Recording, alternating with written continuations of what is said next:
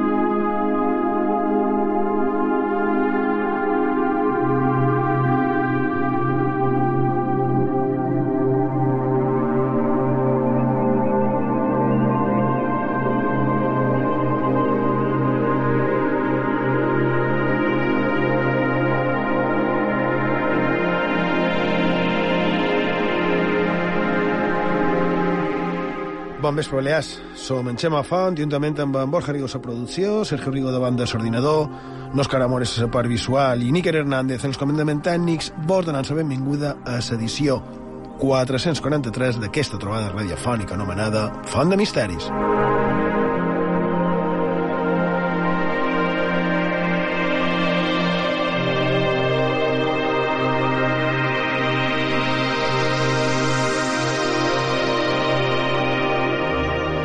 Bon vespre, Borja Rigo. Bon vespre. Sergio Rigo, bon vespre. Bon vespre, Xema. Anem, anem per feines, perquè aneu afegint coses en el sumari i, i després passa el que passa.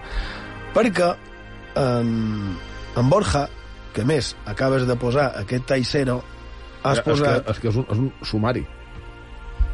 Sí, un, un afegit, no? Un Ah. afegit. Has posat marmota a l'escaleta. I de tu sí que ets una bona marmota. Vinga, feim sumari i comencem.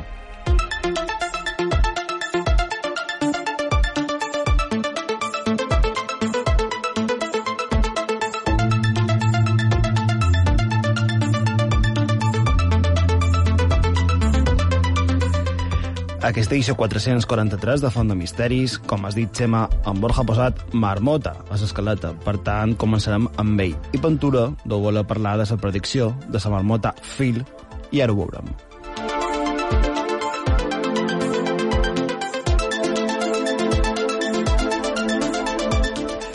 Després, els protagonistes seran els videojocs i algunes llegendes urbanes associades a ells. Quines són? Què hi ha darrere dels jocs més populars?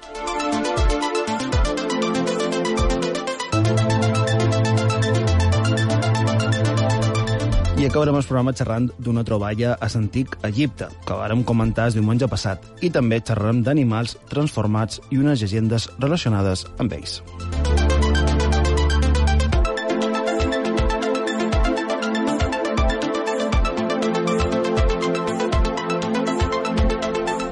Recordem als oients que ens podeu enviar tot allò que vulgueu en els nostres mitjans de contacte. Ho podeu fer, com sempre, per WhatsApp i Telegram. El número de telèfon és 659 1669 52. Ho repetim, 659 1669 52. També per correu electrònic fontdemisteris arroba ib3radio.com fontdemisteris arroba ib3radio.com també mos podeu seguir a les xarxes socials. A Facebook i a Twitter ho podeu fer cercant Font de Misteris. També a Instagram. Allà mos trobareu cercant Font de Misteris i B3. I si voleu podeu recuperar tots els nostres programes d'aquesta onzena temporada i de les anteriors. Ho podeu fer en el servei la carta d'IV3 Ràdio, a ib3radio.com, a les diferents plataformes de podcast i a la nostra plana web fontdemisteris.com. Au, Borja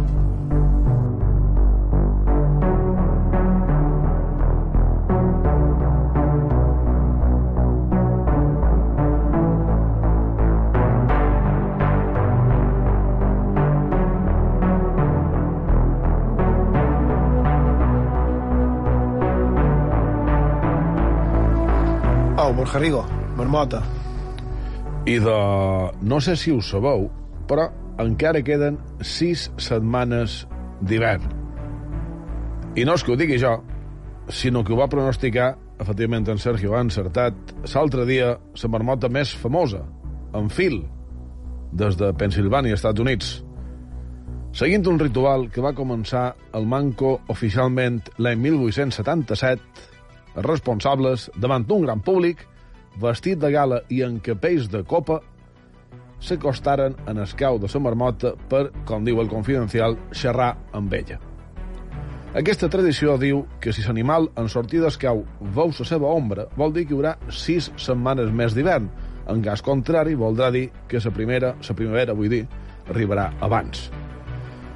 Més enllà de la gran festa que, que se fa, és tot un esdeveniment, l'habilitat de predicció de la marmota, sigui en fil o qualcun dels seus avantpassats, tampoc és que sigui extremadament encertada.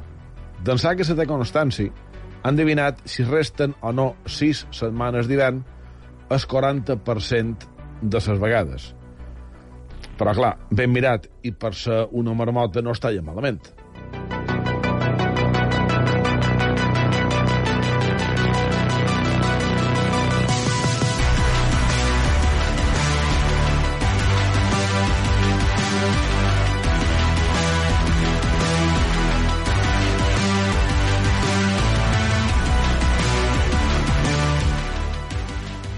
Allò, això me sona a les prediccions aquelles del pop, eh, el pop Paul, crec que es deia, aquell que endivinava, bé, endivinava o no, que deien que endivinava el resultat del partit d'un Mundial de futbol, que clar, amb un 50% de si guanyaria un o l'altre equip i de, les possibilitats es disparen, no? I damunt d'això de la marmota i saber quantes setmanes d'hivern queden, després està quan hi ha un de nou. I clar, en aquest cas no poden dur a terme aquest ritual que, no sé si ho sabíeu, és el que va passar a Quebec, en el Canadà. Resulta que ja fan quelcom semblant amb una marmota. Fred, es diu. Cara que ho pens, veient que en el Canadà no saben que fred vol dir fred.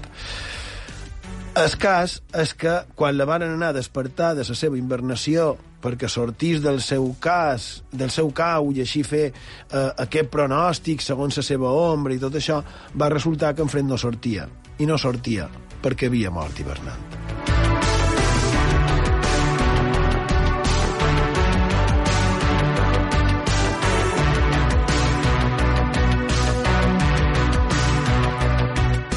Així que si mos posant catastròfics, a lo millor estirien davant del proper hivern etern, no? Perquè, clar, no ha sortit, no sabem quant de temps durarà. Així que eh, semblava que se quedarien sense el, el seu pronòstic, no? Però no, perquè sabeu com ho varen solucionar?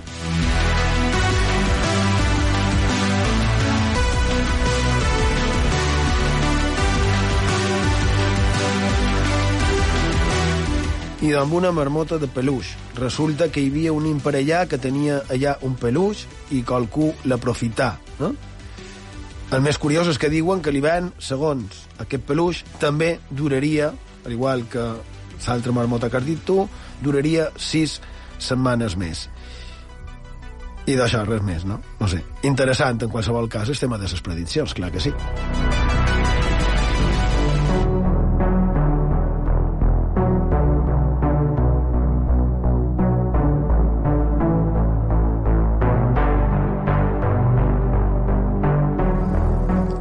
Jo crec, Sergio Rigo, que el que més li agrada en en Borja de tot això de la marmota, les setmanes d'hivern i tot això, és anar vestit de gala amb el capell. capell de copa. Estàs Estic convençudíssim. Jo crec que per aquí és, van que, estic. és que és evident. És a dir, um, veure una notícia que parla de gent vestida de gala en capells de copa, que més conversen amb una marmota, què més se pot demanar? I, I en Borja no ven els estudis en capell perquè els auriculars no li caben als caps, si no, vendria. A més, eh, per educació no se pot dur eh, a interiors. En, en, sí, i, i això no, ja no tothom ho sap, en això, eh? perquè, clar, això mos ho ensenyaven quan, quan hi havia allò de... No sé que siguis un cowboy, que tampoc s'estilen gaire per aquí, per tant, no. Tampoc bé. Uh, que sí, les prediccions, molt bé, molt interessant. Anem amb altre tema. Ses llegendes urbanes. Eh? Tema que, que jo crec que ho dic sempre que surt el nom de llegendes urbanes. Mm, encara no l'han tractat a font de misteri, sí que han comentat alguna de les que es tenen com a tal, com per exemple la típica, que seria la de la lota de la corba, encara que en aquest cas de la lota de la corba el seu origen és tan antic que crec que és molt agosarat de denominar-la només com a llegenda urbana. Eh? N'hi ha d'altres, i per cert, de, de llegendes urbanes vull dir, i la meva observança m'ha duit a, a comprovar, a confirmar, com a massa sovint trobam que el que era considerat llegenda urbana ha esdevenit en, qual, en quelcom real, que s'ha convertit en realitat. Crec que és un bon tema per aprofundir. Però en aquest cas has dit, Sergio Rigo, que volies parlar de videojocs. Efectivament, Xema, volen parlar de llegendes urbanes, però no de les habituals, com has dit que solen comentar aquí a Font de Misteris. Avui mos volem adentrar en el món dels videojocs i que amaguen aquesta part desconeguda i que tant mos agrada.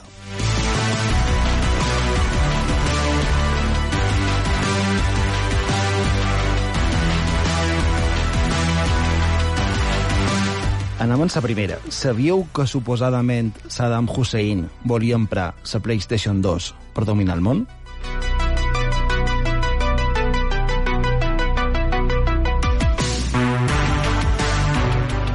La llegenda diu que amb el llançament de la PC2, en el 2000, Saddam Hussein i el govern iraquí van comprar milers d'elles amb intenció de treure-li els processadors i usar-los en les seves pròpies armes de destrucció massiva, i això hagués servit per apoderar-se del material d'alta tecnologia cara. Per suposat, als Estats Units no va trobar armes de destrucció massiva a la seva invasió a Iraq, però específicament tampoc va trobar res que estigui manejat per hardware de PC2.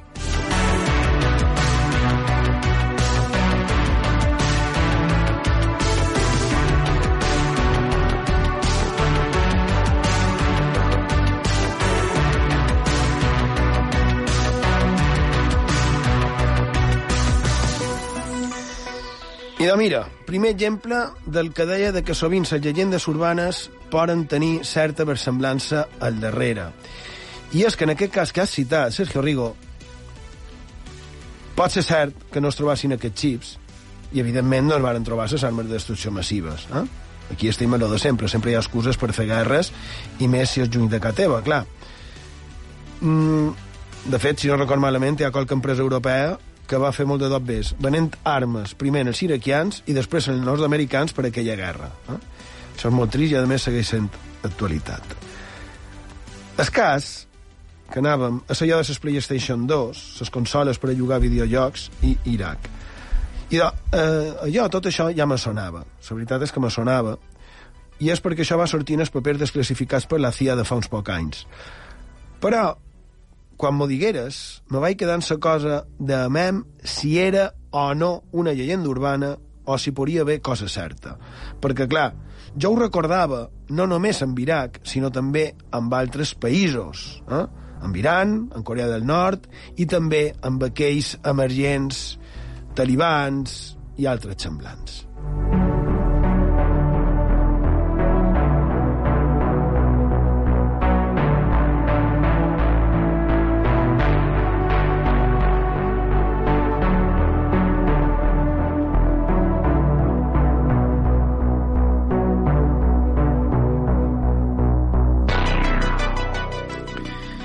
I aquests estats que he dit, o grups, no només seria un interès en la Play 2, també s'hauria aplicat a altres màquines, com la Xbox. Eh?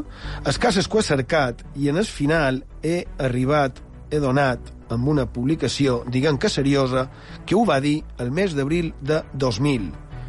És el diari eh, Los Angeles Times dels Estats Units i amb el titular la PlayStation 2 de gran capacitat tecnològica de Sony haurà de menester llicència d'exportació militar, parla precisament d'això.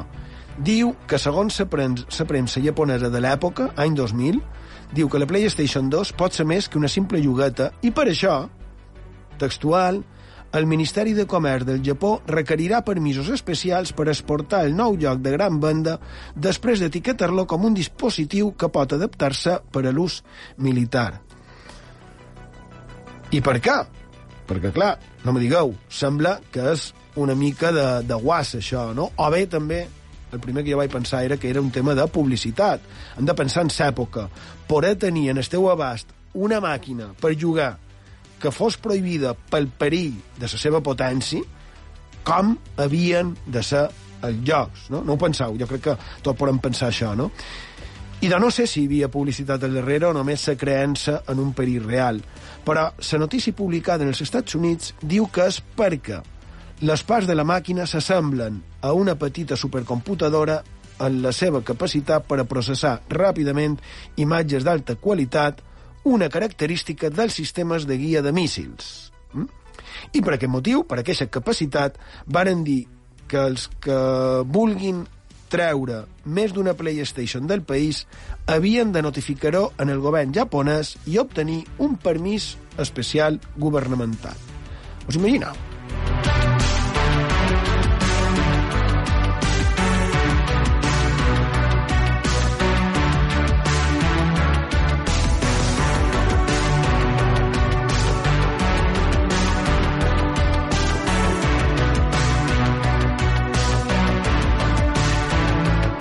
I aquí un pot pensar, bé, això seria mala sort que te pessin, no?, traguent això. Tampoc devia haver per tant. Com quan als anys 80 anava a Andorra a comprar salutacions en els andorrans i andorranes que mos escoltau, perquè ho sabem, a través d'Evox, i de, que anaven allà a comprar ràdios, quan encara es deien transistors. I de, segons Los Angeles Times, que cita a un diari japonès, que es deia o es diu, no ho sé si encara existeix o no, Asahi, diu, si te glapien, sortint del país en dues PlayStations, podria representar una pena de 5 anys de presó. Així que, llegenda urbana, no ho sé jo si ho era.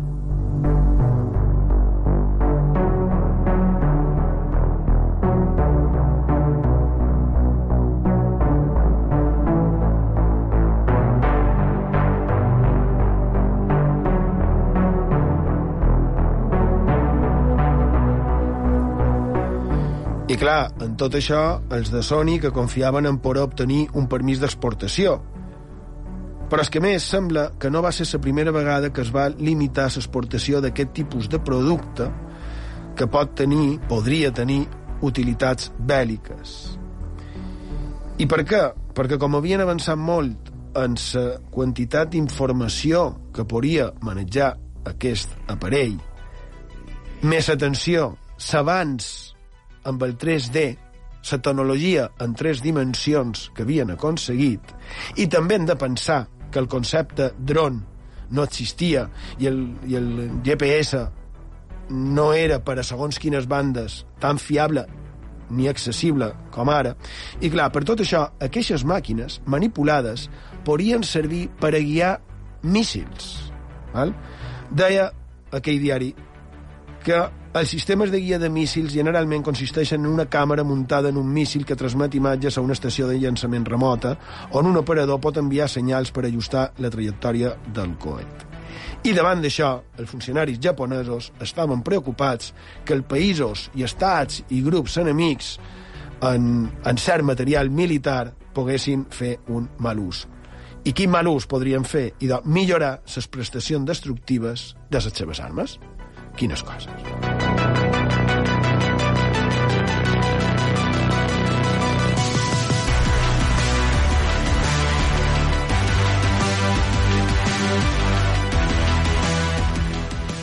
Així que, llegenda urbana com a tal, vi que surt en el paper de la, de la CIA i que també surt a la premsa de, de l'època i a més amb aquestes possibles condemnes de 5 anys a presó i de llegenda urbana no m'ho sembla el manco del tot.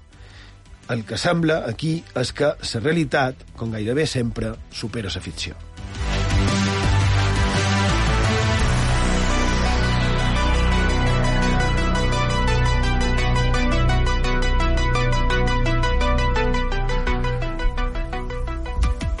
Honestament, pens que més enllà de, de que surtin els papers de la CIA i que la premsa de l'època se fes ressò, els arguments que presentava la, premsa que tu comentaves ara m'apareixen, honestament, una barbaritat tecnològica.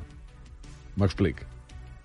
Estem parlant d'un dispositiu que efectivament va sortir l'any 2000, que sí que suposava un vot de qualitat respecte a la PlayStation primera, evidentment, i altres màquines. Però estem parlant de que per què en concret aquesta màquina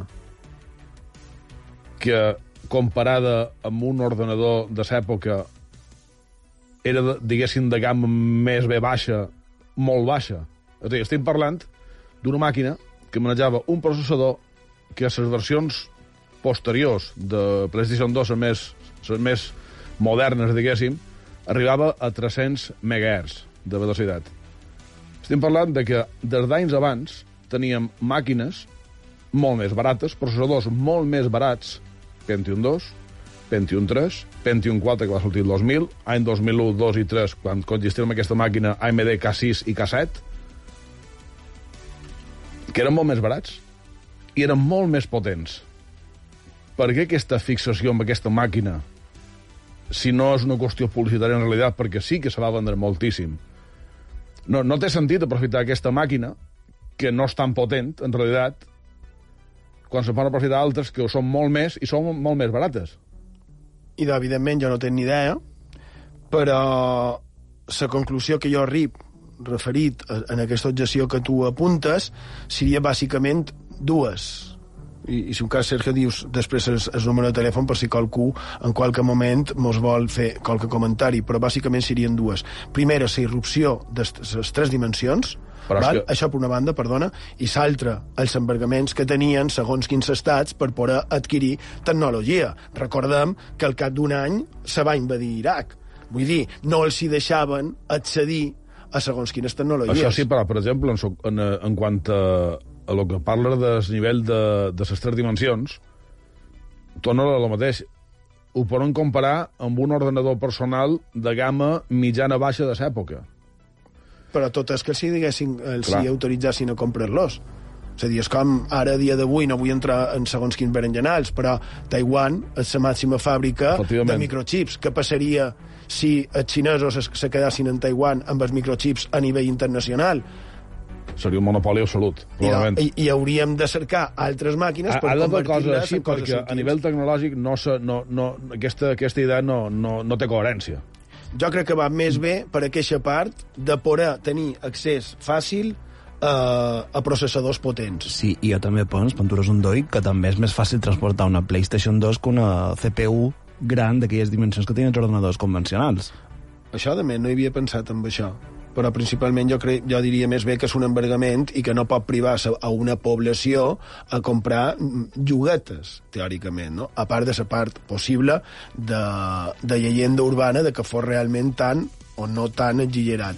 Jo he citat les fonts, sí que la CIA ho cita, només ho citen, en el paper desclassificat de la CIA de fa un parell d'anys, i um, he citat que jo ho he trobat a una edició digital de l'any 2000 de Los Angeles Times de- d'Estats Units. Número de WhatsApp, perquè a lo millor hi ha qualcú que, que pugui pensar amb una altra justificació respecte a aquest tema.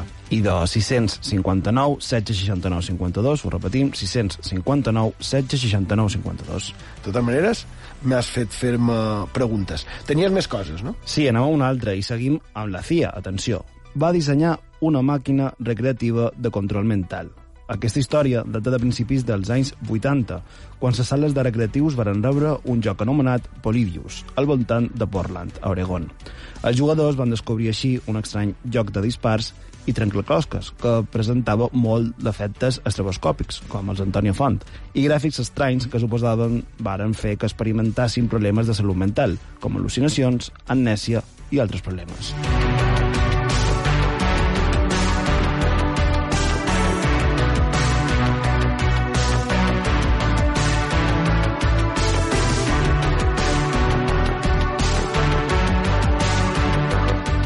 La llegenda també diu que la CIA estava darrere de tot això i recolectava dades sobre els jugadors de les màquines i usaven tècniques de netatge de servei per infectar les ments dels joves assistents a les sales de joc.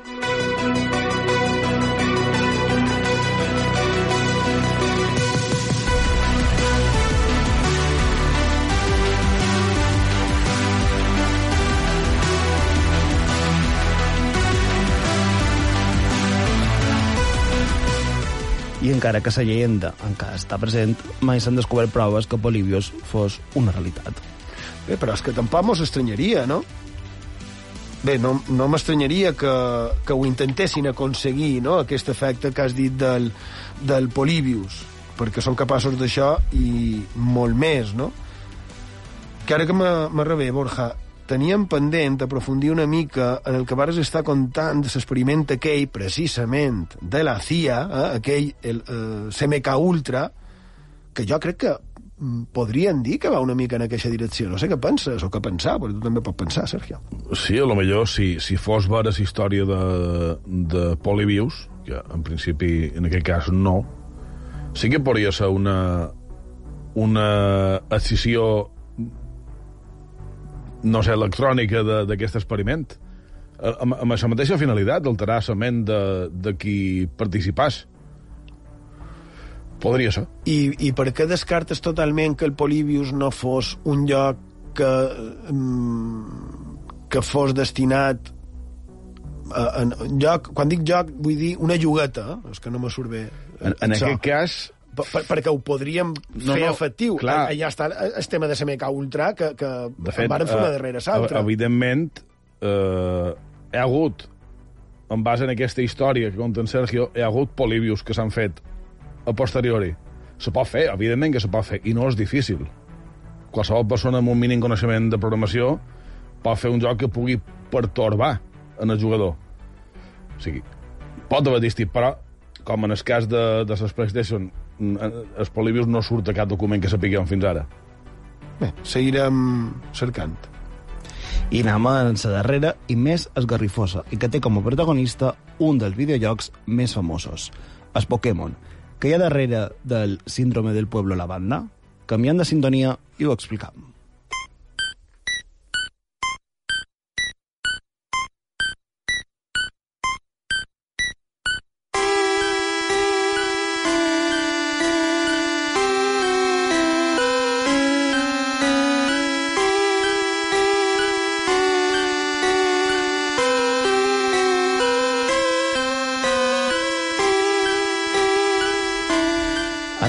L'any 1996. En aquests moments, la companyia Game Freak havia tret al mercat la primera edició de Pokémon vermell i verd.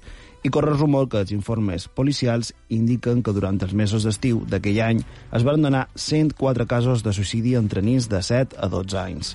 I en tots els casos s'investigava el seu comportament. Els pares, segons aquest rumor, alegaven que els seus fills estaven enganxats al videojoc.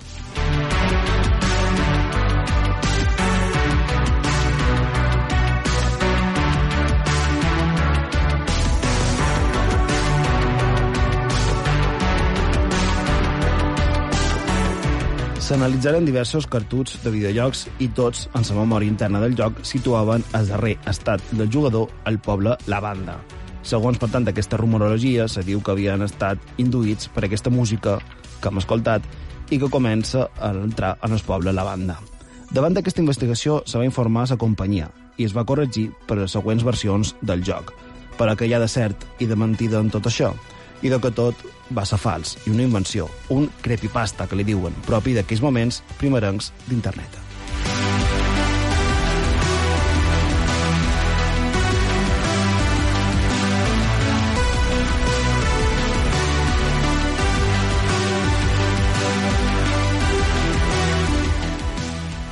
Bé, i per afegir, si voleu, una cosa més a tot el que han contat ara damunt aquest tema, i com a grandíssim amant del món dels videojocs, i crec que se nota, i de tot el que els envolta, m'agradaria recordar res breument aquella història que té a veure amb ET, aquell simpatiquíssim extraterrestre que volia tornar a casa seva.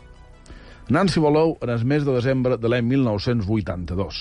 S'acostaven les festes de Nadal i el regal estrella, així se pensava, havia de ser precisament el videojoc de ET, basat en la pel·lícula que s'havia estrenat aquell mateix any i que seria una enorme font de diversió per tots els usuaris d'Atari 2600.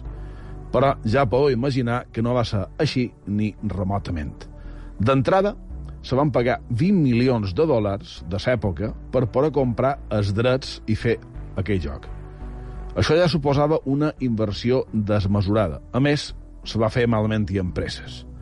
El programador encarregat, en Howard Scott Warshaw, va tenir només 4 setmanes per fer el joc sencer, ell tot sol, començant des de zero. Això d'entrada dona un marge ben estret de maniobra, però és que resulta que, més, aquell pobre home havia estat fent feina mesos i mesos, un projecte anterior estava esgotat, i necessitava un descans. Fou un mes de pressió enorme, pensau que s'havia donat el vistiplau definitiu per part de Spielberg. I clar, pot dormir, molta feina i un resultat que, que bé.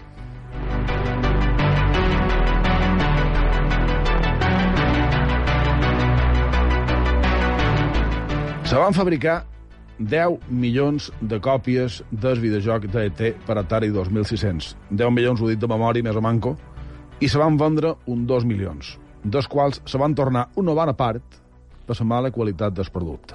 Aquí ve lo interessant. Aquest desastre va suposar un, un enorme crisi per, per Atari, per la companyia que el va fer, que la va dur a prop de sa desaparició. De fet, va suposar també el principi de la crisi del món del videojoc de l'any 1983. Durant molt d'anys se va especular que aquell any, en el 83, la companyia va anar a enterrar milions d'aquestes còpies en el desert d'Alamogordo, en el Mèxic. I aquesta història se va convertir en un dels majors mites de la història del videojoc, fins que l'any 2014 se va demostrar que era veritat. Increïble, però cert.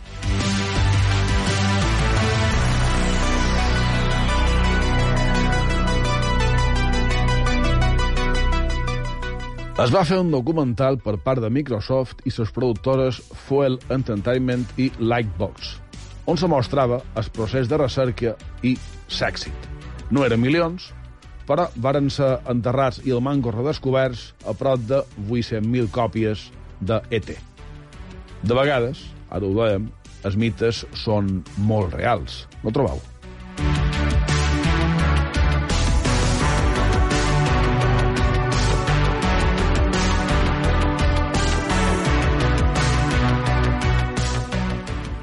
I de això que va començar a popularitzar-se com a llegenda urbana, se va demostrar que era real. Les altres que han dit, veurem quina part era certa, quina part era això, llegenda urbana. Però sí, un altre cas de com la realitat supera la ficció.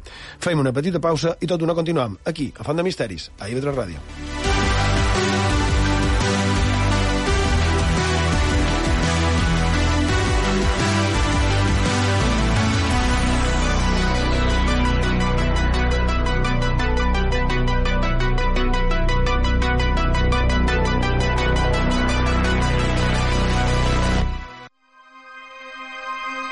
On la història es torna llegenda, a on el més quotidià es torna màgic. Acompanya'ns a la nostra font de misteris a IB3 Ràdio.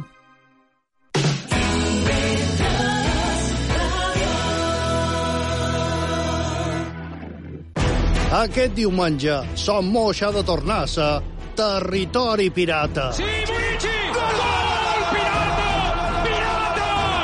Des de la una del migdia, a Esports 3 en joc, amb el partidàs entre el Reial Mallorca i el Reial Madrid.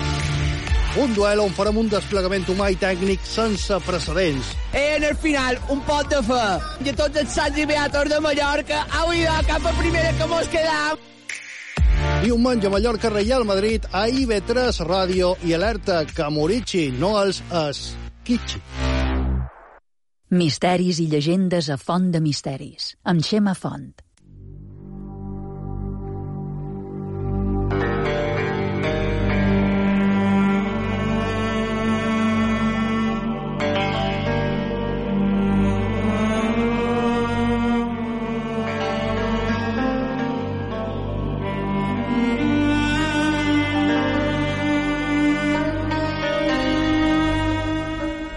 Seguim a Font de Misteri, sintonia d'IV3 Ràdio, la ràdio pública de les Illes Balears. A Menorca mos podeu trobar en el 88.6 de la freqüència modulada I bé, també, com sempre, el vostre abast en el sistema de la carta IB3 Ràdio i a iVox i el més senzill de tot, com va dir qualcú la setmana passada. Diu, basta posar internet font de misteris? I doncs sí, allà està tot el que feim. I seguint amb el que teníem previst, en Borja la setmana passada es va quedar amb les ganes de dir, de contar, quelcom damunt d'una troballa ben interessant a Egipte. Així que, Borja, la primera pregunta és evident. Què estem escoltant i per què? I dic que és evident perquè ara, a la pausa, mos diu en Borja, a menys si sabeu què és el que sonarà just en acabar la publi. I Borja no, no té ni idea de què està sonant. Perdona'm, eh, per no saber-ho. Aquesta, aquesta música que estem sentint ara se diu Aka-Dua i és un càntic cerimonial egipci que data aproximadament de l'any 680 abans de Crist. Bé, millor dit, va ser traduïda d'una estela per un sacerdot anomenat Ang F. N. Konshu en aquell any. L'oració és una de les peces fonamentals, per cert, del llibre de la llei d'Alistair Crowley, el famós bruixot. I per què dic tot això? I doncs perquè tot està relacionat.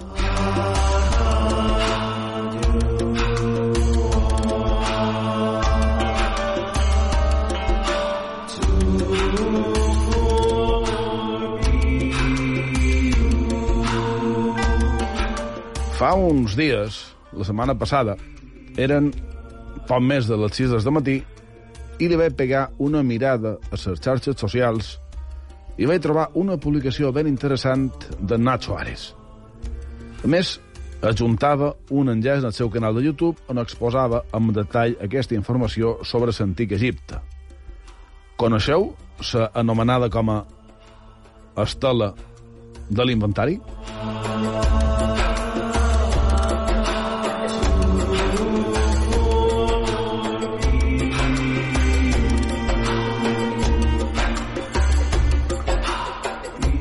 És, essencialment, evidentment, una estela en pedra, és a dir, una pedra gravada, que seria un inventari d'estàtues del temple d'Isis de Giza, allà on se troben les tres piràmides més famoses i que dataria de la dinastia 26.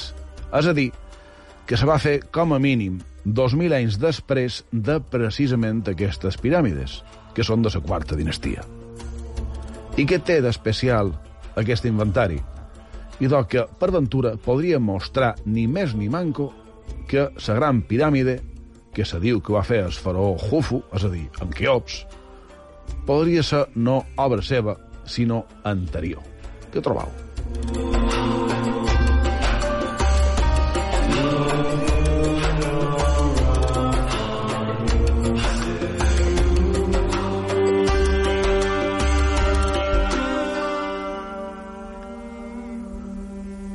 D'aquesta estela, que se va trobar, se va descobrir a mitjans del segle XIX a una excavació en el temple d'Isis, de Giza, hi ha una frase que, si voleu, podem comentar. És una traducció que he tret d'un web d'egiptomania.com i que he hagut de contrastar per tenir certesa de lo que està dient. Diu, que viva el Horus Mediez, rey del Alto y Bajo Egipto, Jufu dotado de vida.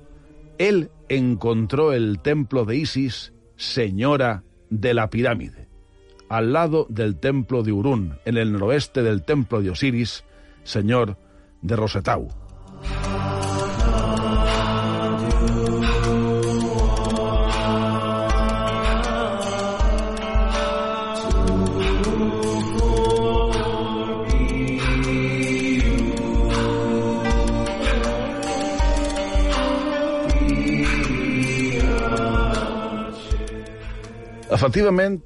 D'aquest test se pot deduir que la gran piràmide ja existia quan en Keops en Hufu va ser proclamat faraó. Què succeeix? I doncs que a continuació l'estela diu que Keops va fer la seva piràmide darrere el temple d'Isis i també va fer-se de la seva filla, cosa que concorda amb la història oficial. És tot molt estrany, fins al punt de que aquest text no és una còpia d'un anterior com mostra, diuen els entesos, la seva gramàtica. Finalment, Keops sí o Keops no com autor de la Gran Piràmide? Hi ha dubtes, extraoficials, heterodoxos, si voleu, naturalment. Jo en tenc molts, perquè certament és un personatge molt enigmàtic. Sabeu que és l'única representació d'aquest faró teòricament importantíssim se va trobar a 500 quilòmetres de Giza, és una petita estàtua de manco d'un pan d'alçada. Res més. D'altra banda, d'entrada se va identificar Keops com certífecs de la Gran Piràmide a causa d'uns cartutxos, és a dir, representacions del nom, que se van trobar a l'interior de la construcció, concretament a les càmeres de descàrrega de la part superior, a més d'altres cartutxos repartits per construccions de la zona. També, l'historiador Heròdot va atribuir a Keops la construcció de la piràmide, però estem parlant dels 500 abans de Crist, més de 2.000 anys després, també. Succeeix que des de fa més d'un segle hi ha una polèmica sobre si aquells cartuixos de l'interior de la càmera de descàrrega eh, són certs o no són certs, perquè hi ha qui pensa que són més que unes, no són més que unes falsificacions per tal de justificar la feina arqueològica britànica del segle XIX. Per cert, vinculat amb sa música que estem escoltant, en, amb Sacadua, aquesta peça correspon precisament a l'època de l'estela de l'inventari. Per això deia que tot està relacionat. En qualsevol cas, un grapat de mil·lennis després, el misteri segueix immutable, immòbil. Què s'hi podrien dir com les grans pedres del monument.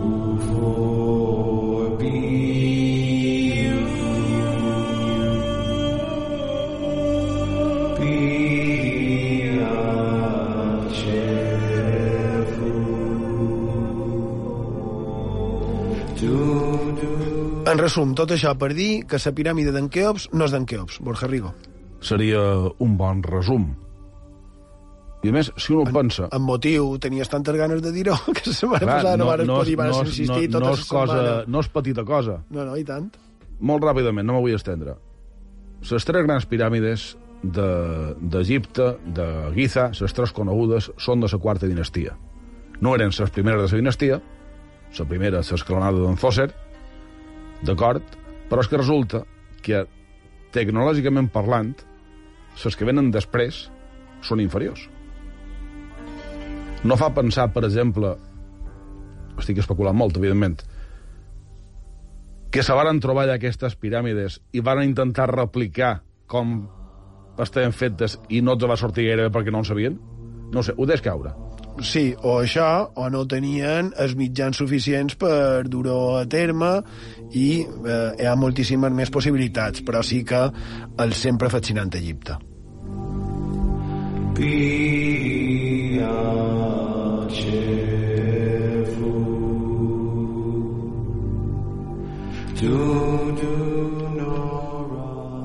I ja que estem amb tu, Borja Rigo, podem seguir fins al final del programa. Qualque dia seguirem amb, amb el tema d'Egipte, clar que sí, un, un clàssic del misteri. I de podem seguir amb el tema d'aquestes increïbles transformacions d'animals per diferents motius i també tret de diferents fonts, no? I fins i tot aquesta ens pot servir com a homenatge en el Cové, eh? perquè també ho trobam a les nostres rondalles. No sé si, Borja Rigo. Efectivament, la setmana passada, quan parlaven de bruixes i bruixots en capacitat de convertir-se en animals, me va venir al cap que aquí a les nostres illes, dins el fascinant repertori rondallístic, tenim qualque història d'aquesta temàtica, si bé, en aquest cas, no està protagonitzada estrictament per, per una bruixa ni bruixot. Una ben simpàtica pertany en el conjunt de les rondalles eh, d'Andratx, en aquest cas, dins del compendi de les rondalles mallorquines de l'Alcobé, com, com deies, i du per títol Es fides pescador. Se conta l'aventura d'en Joanet, que mentre feia feina és arrossegat per un peixot dins una cova on se troba una fadrineta de la qual s'enamora. Ella està avallada per un gegant que en veure allò la tanca dins un castell. Així, en Joanet parteix per mirar de rescatar-la. No vull desvelar tota la història, que per això tenim la secció de, de Nirena, tenim els contes i rondalles, però sí vull incidir a un punt important. Mentre caminava cercant el castell i aquell gegant, se va trobar amb uns animals. En aquest cas, una formiga un ca llebrer un falcó i un lleó. Aquests estaven davant una ovella morta, se la volien menjar, però no acabaven de posar-se d'acord per a fer ses partions. Així, en Joanet els ajuda, fa ses millors parts per cada animal i aquests li tornen es favor. Li concedeixen es poder de la transformació. Si ho necessitava, en Joanet havia de dir val Déu i l'animal que fos d'aquells quatre i en el moment se convertiria en allò que hagués demanat. Per tornar a ser ell mateix, havia de dir val Déu i amo i tornaria a ser en Joanet.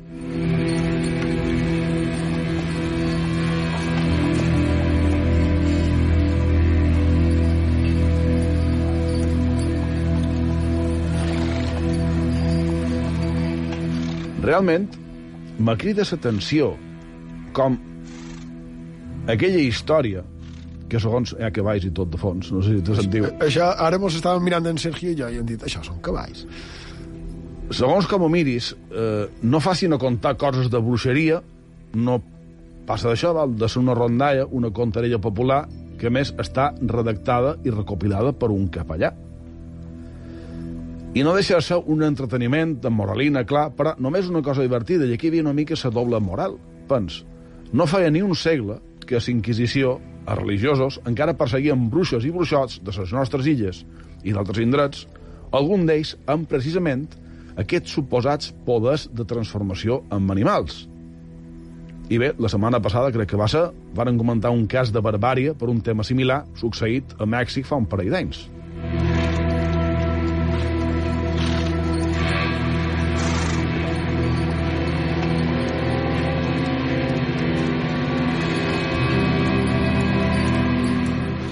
Aquesta rondalla, per cert, és molt semblant a la coneguda com a gegant del romaní de les rondalles valencianes d'Enric Való, protagonitzada en aquest cas per un jove que nom Adolfat. I a més, les dues rondalles, tant la valenciana com la mallorquina, tenen molt de trets comuns en, en Aladí, però per descobrir-los recoman que feien una lectura ben detinguda.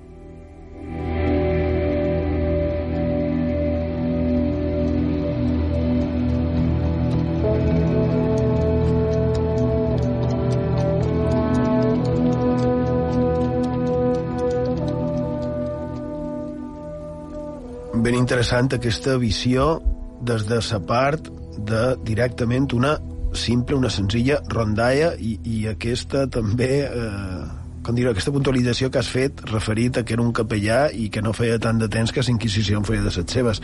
Seguim, res, una més d'aquesta transformació d'animals per avui. Ja n'hem vist un bon grapat en els darrers programes, des de fantasmes d'animals, a bruixes que es transformen, dimonis, no sé, un bon grapat. Clar, és un tema que és apassionant, seguim trescant, eh, cercant més històries i, i ho seguirem fent perquè, clar, arriba un moment que trobes que hi ha éssers, per exemple, que no encaixen dins cap de les categories que hem vist. Serien aquells que es transformen o que no són el que semblen, però que no tenen per què ser ni bruixa ni res semblant, o sí, o bé, tal vegada podrien ser una mena de fades, no? Un exemple seria el de Melusina, eh? que ella és a propi de les terres franceses, però que té també les seves, podríem dir, representacions o equivalències a altres indrets i també, i també clar, aquí a Can Nostra jo penso que, que podria ser ben fàcilment l'extrapolació o equivalent a les nostres dones d'aigua, com podria ser la de Can Garrita Pollença.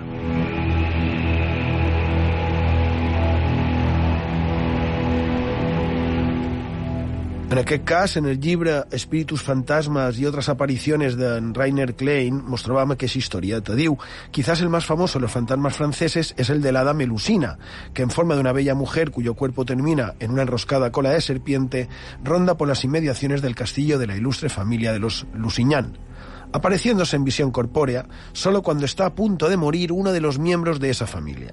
Cuenta su leyenda, narrada con excelencia por el escritor argentino Manuel Mújica Lainez en su novela El unicornio, que el apuesto caballero Raimondín, hijo del conde de Fórez, mientras se hallaba cazando en el bosque, se encontró con la bella Melusina, de la que se enamoró. Enamorada también helada del mortal, consintió en casarse con él siempre que se comprometiera a dejarla sola durante todos los días sábado sin intentar siquiera espiarla. Raimondín, deseoso de poseerla, asintió a todo, pero tras engendrar en ella numerosos hijos, parece que un día se sintió acuciado por la curiosidad del porqué de estas ausencias sabatinas y resolvió espiarla. Y la descubre tomando un baño y puede contemplar que su bella esposa se convierte entonces en un híbrido conjunto de mujer y serpiente. Ante su exclamación, Melusina se sabe descubierta y huye por el ventanal en forma de dragón, para no retornar nunca más al, hogar conyugal. Pero reaparece volando en torno al castillo, siempre mitad mujer alada y mitad serpiente, y luego profiriendo un grito horrible cuando alguno de los Lusignan está en peligro de muerte, y así es, és molt curiós, com luce en el escudo de armas de la aristocrática familia de Lusignan.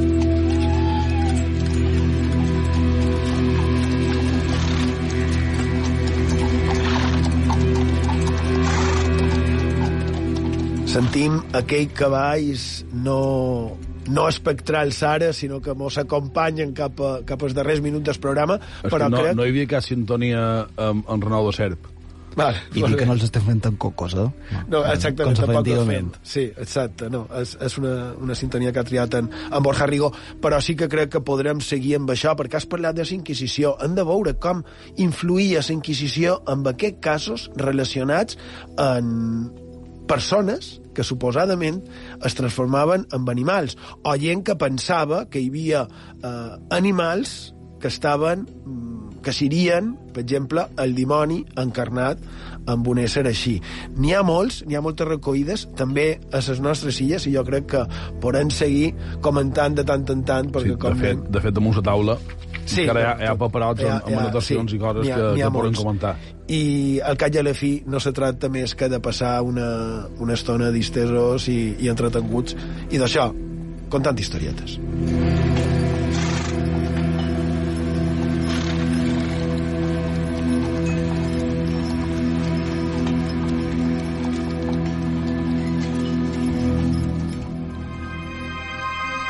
on la història es torna llegenda, a on el més quotidià es torna màgic. Acompanya'ns a la nostra font de misteris a IB3 Ràdio.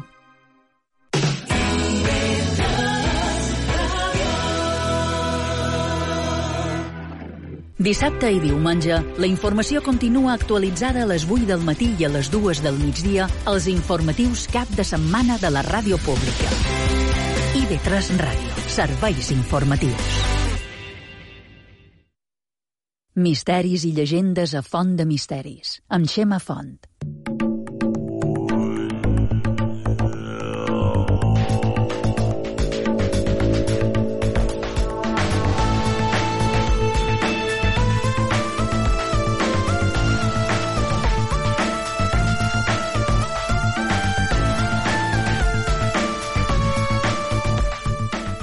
I no hem arribat a la fi del programa d'avui. Esperem que hagueu passat una estona agradable i que hagueu pogut treure qualque cosa de profit d'aquesta font de misteris. I bé, un dels rerefons que hi ha en aquestes utopies de la mitjanit del dissabte i vetres ràdio és ser conscients de coses, de situacions que sovint mos solen passar desapercebudes que tal vegada no els hi donem la importància que, que poden tenir, que personalment puc estar equivocat, clar, però que personalment pens que la tenen. I per això fa temps que me vull fer ressò d'una notícia apareguda l'estiu passat i que mos pot servir per adonar-nos com l'utilització del llenguatge, sense gairebé adonar-nos, eh?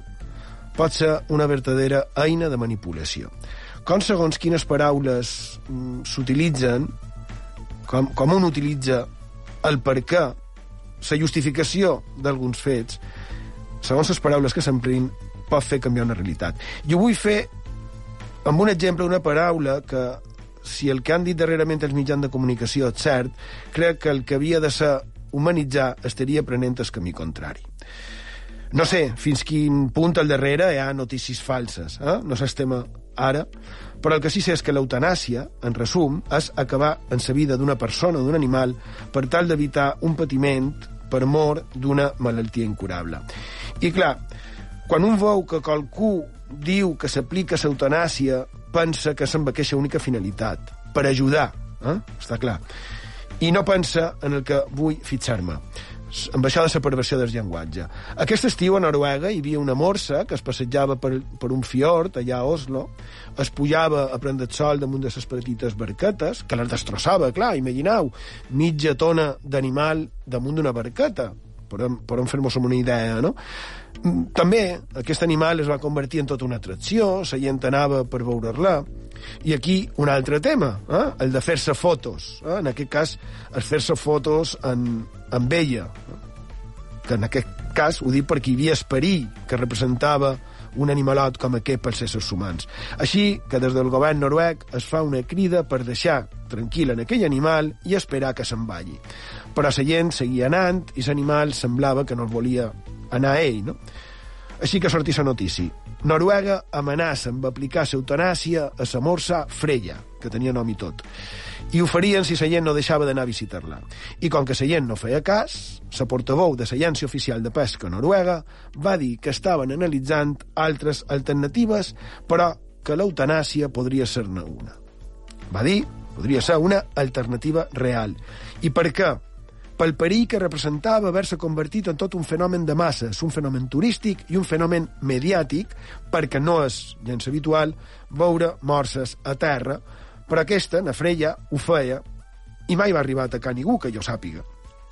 Però dos dies després de la notícia, eh, en els mitjans, la notícia va ser una altra, i era que Noruega havia aplicat l'eutanàsia a la morsa Freya i clar, el problema per jo és que el verdader motiu d'haver-lo sacrificat, que aquesta jo crec que seria la paraula, va ser que representava una amenaça per a la seguretat humana, eh? que tampoc sé si era o no necessari arribar a aquest punt, o si, com les altres morses, hagués sortit tota sola d'aquell fiord. Però el que sí tem bastant clar és que si aquell animal estava sa, no patia malalties i el mataren pel perill que representava pels humans, el que varen fer no va ser una eutanàsia. Li podem posar no, que vulguem, però no eutanàsia. En aquest cas, eutanàsia és, crec, un eufemisme. I precisament en això vull refer fer referència a com segons les paraules que s'utilitzen es pot canviar la percepció de la realitat o l'opinió damunt d'uns fets o del significat d'una acció. No? Hi ha un caramull d'exemples. I bé, això, el manco ser conscient del poder de les paraules. I el problema és que al final el que quedaran seran els fets, i és que sabeu cap i a la fi, les paraules se les endú el vent. I de Tomeu Penya i en Paco de Lucía, paraules que s'endú el vent. Allí, Pau, bona nit. Gràcies per la vostra companyia i fins demà. Inconscients per sa mitja vida corregent i s'altra mitja enflocant-nos paraules que s'endús vent paraules que s'endues vent.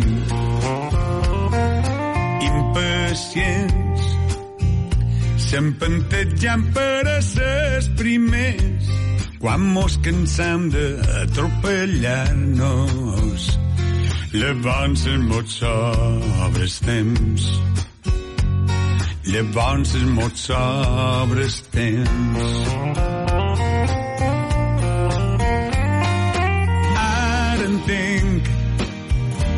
Perquè plora sabre i es torrent. Lo llarg que pot ser un moment d'agonia. Sembla no acabi mai ara sé que no hi ha cap esfera comptant lo breu que pot ser un any de felicitat amb un no retzenanat i és un fit. Quan deim que dolenta que gent tots acabam per oblidar-nos que nosaltres també som gent. Que nosaltres també som